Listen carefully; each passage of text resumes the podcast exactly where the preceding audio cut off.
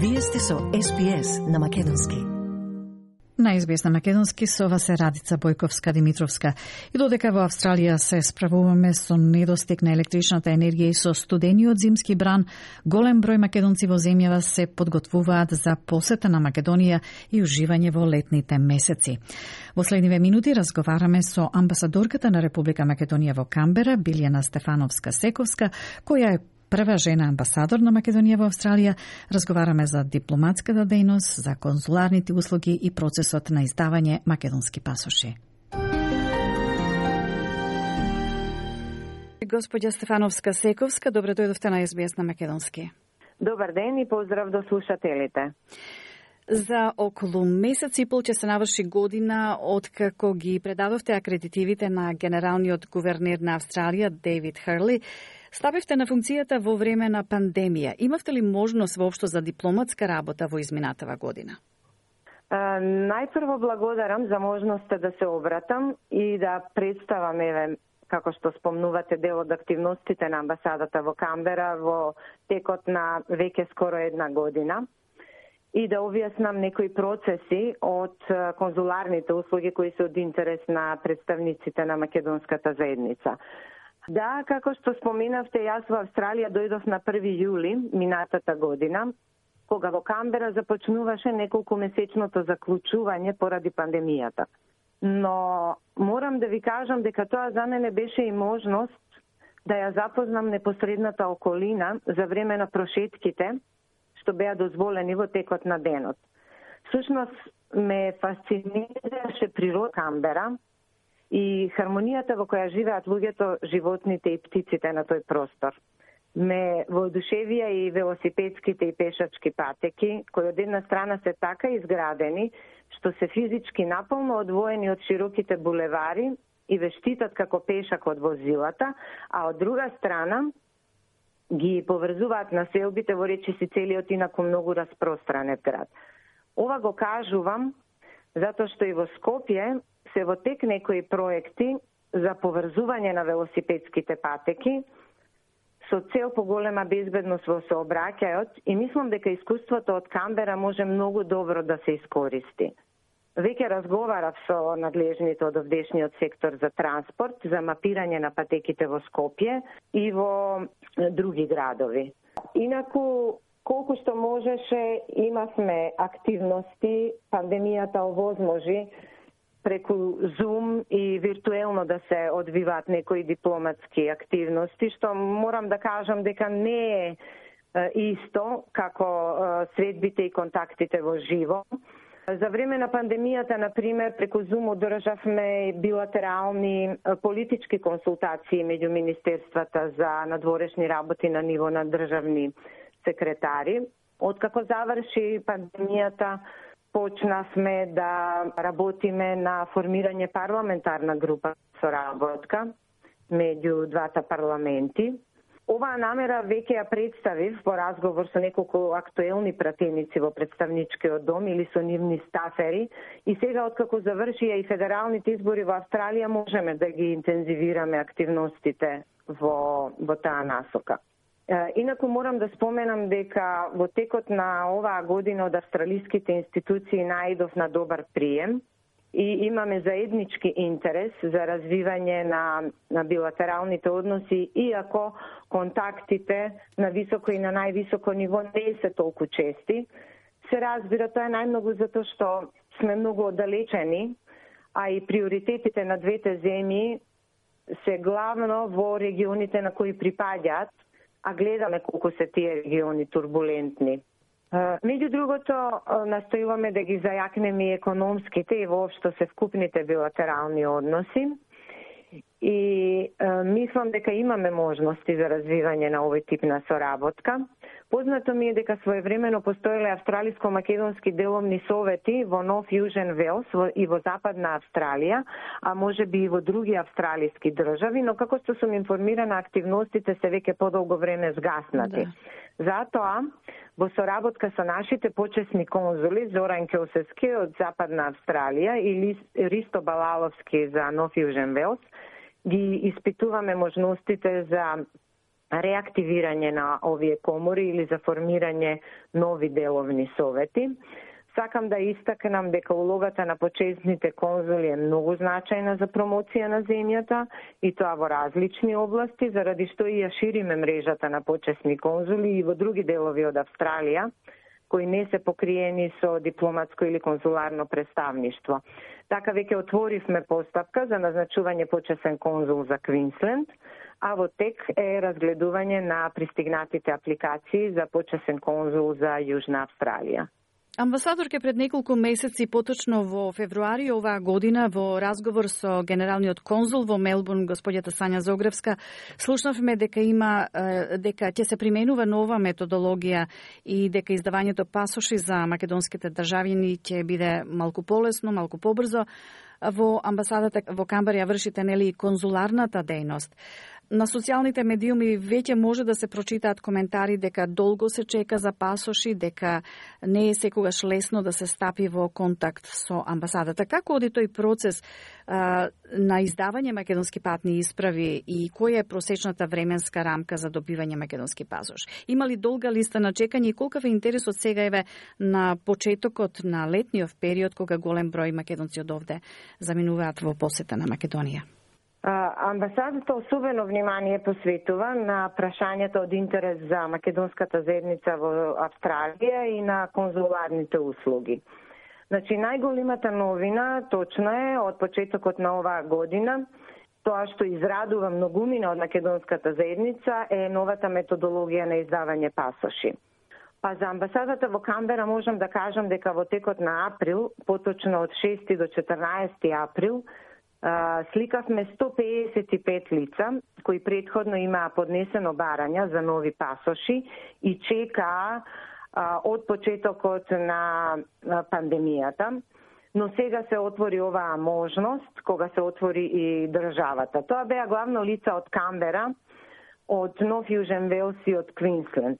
Пасошите ги добија на нивно големо изненадување и радост пред крајот на мај што значи за помалку од месец и половина. Е сега вие можете да да пресметате и да споредите брзината како било предходно со издавање на пасошите и како како оди сега. Да. Се тоа е резултат на променетиот и осовремен начин на собирање и обработка на податоците.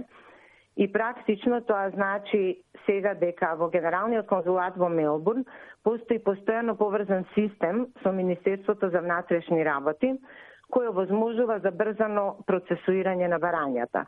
Таму во договор со нашите колеги од конзулатот и во зависност од итноста на потребата, може да се поднесе барање за пасош, да се отиде за сликање и после околу 1 до 2 месеци да се подигне пасошот. Инаку во амбасадата во Камбера сликањето за пасоши ќе биде организирано неколку пати годишно, во зависност од бројот на поднесени барања и од искажаниот интерес – Во тие термини, колегите од Мелбурн ќе доаѓаат во Камбера и ќе го вршат сликањето. Па сега за сега наредниот термин за сликање во Камбера го планираме за месец октомври, но ќе видиме колка ќе биде интересот со оглед како што споменавте дека голем број наши иселеници патуваат во предстојните месеци да. и веројатно можат да бидат одсутни. Друга новина што сакам да ја споменам во овој контекст е можноста што се дава на оние што живеат на поголема оддалеченост од местото на сликање, изработениот пасош да им биде испратен по брза пошта. Во поставка се разбира што напред ќе договорат со амбасадата, наместо уште еднаш да патуваат до Камбера за подигање на, на пасошот како што беше досега. Значи голем број од тие што се слика во април во Камбера веќе ја искористија оваа можност. Така. А имате ли во план одржување на конзуларни денови? Ке продолжиме со праксата на одржување конзуларни денови. Пред два месеци бевме во Волонгонг, каде првпат беа одржани конзуларни денови. Граѓаните имаа можност да се информираат за стекнување државјанство, да поднесат барања за изводи, да заверат изјави полномошна или друг тип на конзуларни услуги.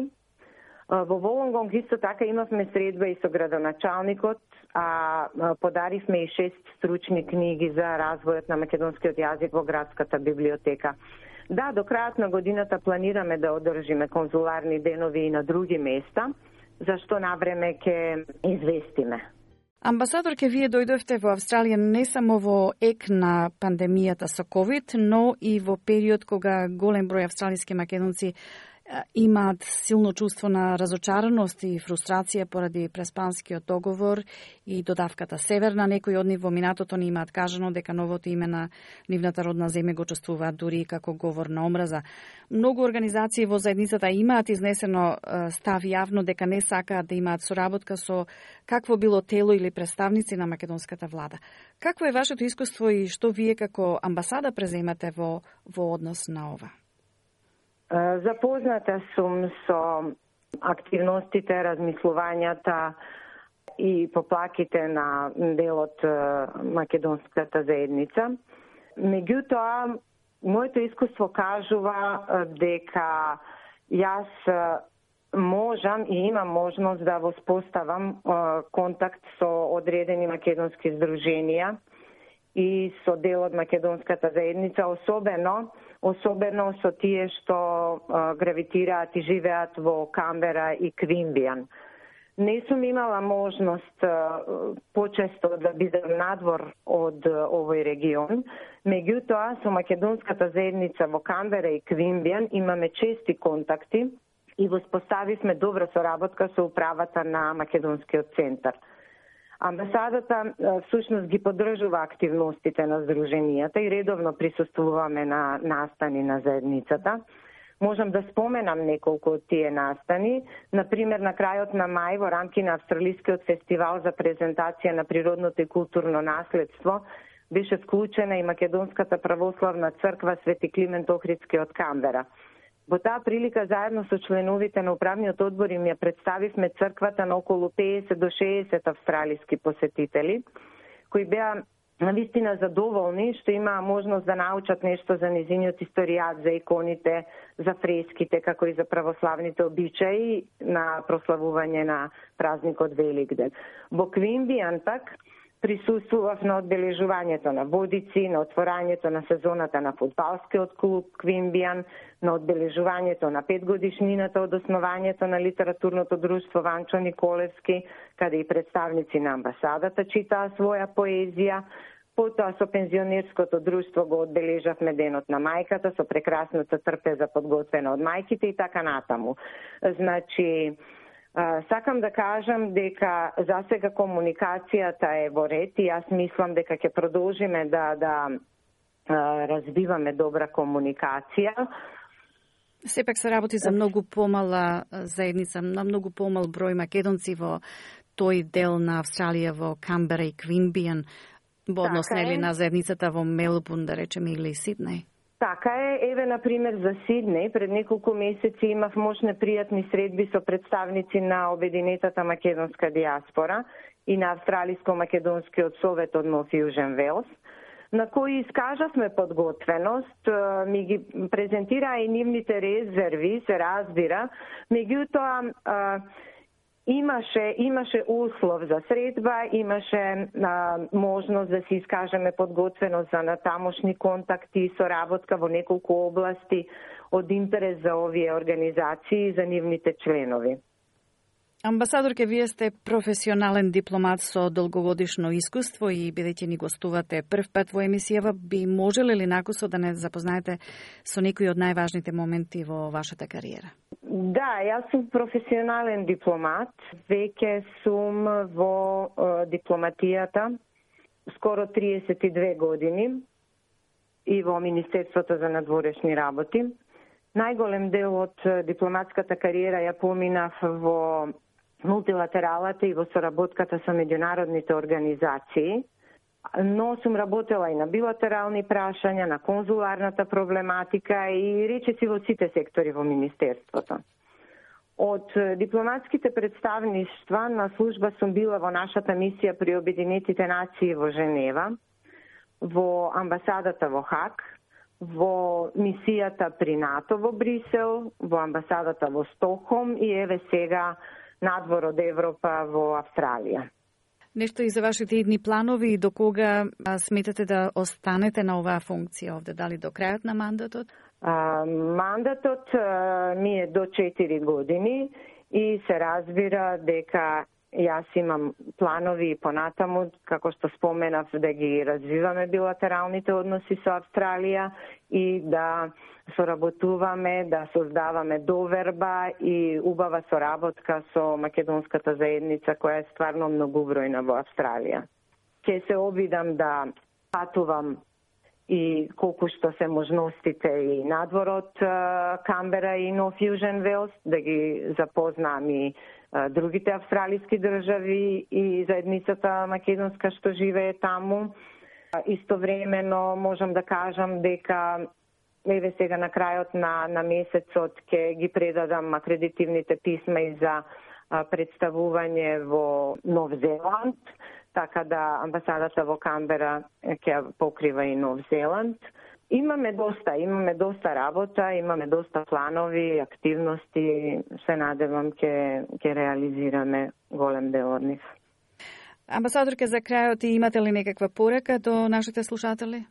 Мојата главна порака до заедницата е одржувајте го и изучувајте го македонскиот јазик. Дел од тие што не слушаат, а предходно се јавиле во амбасадата, ќе се подсетат дека често пати јас одговарам на телефонските повици и секогаш ги охрабрувам да го изнесат проблемот или да ги постават прашањата на македонски јазик, колку и тешко да им оди изразувањето. Им напоменувам да се трудат, барем кога се јавуваат во амбасадата, да вежбаат со мене на македонски, а јас трпеливо ги сослушувам и им одговарам. На тој начин имам воспоставено на вистина една убава комуникација со многумина. И уште да ве прашам колку вработени имате во амбасадата во моментов?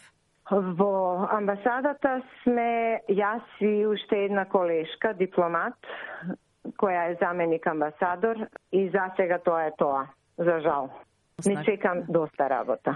Добро, господја Стефановска Сековска, ќе ви благодарам што одвоивте време за овој разговор. Благодарам за можноста и за одстапениот простор. SPS на Македонски. Споделете ги нашите прилози на Facebook,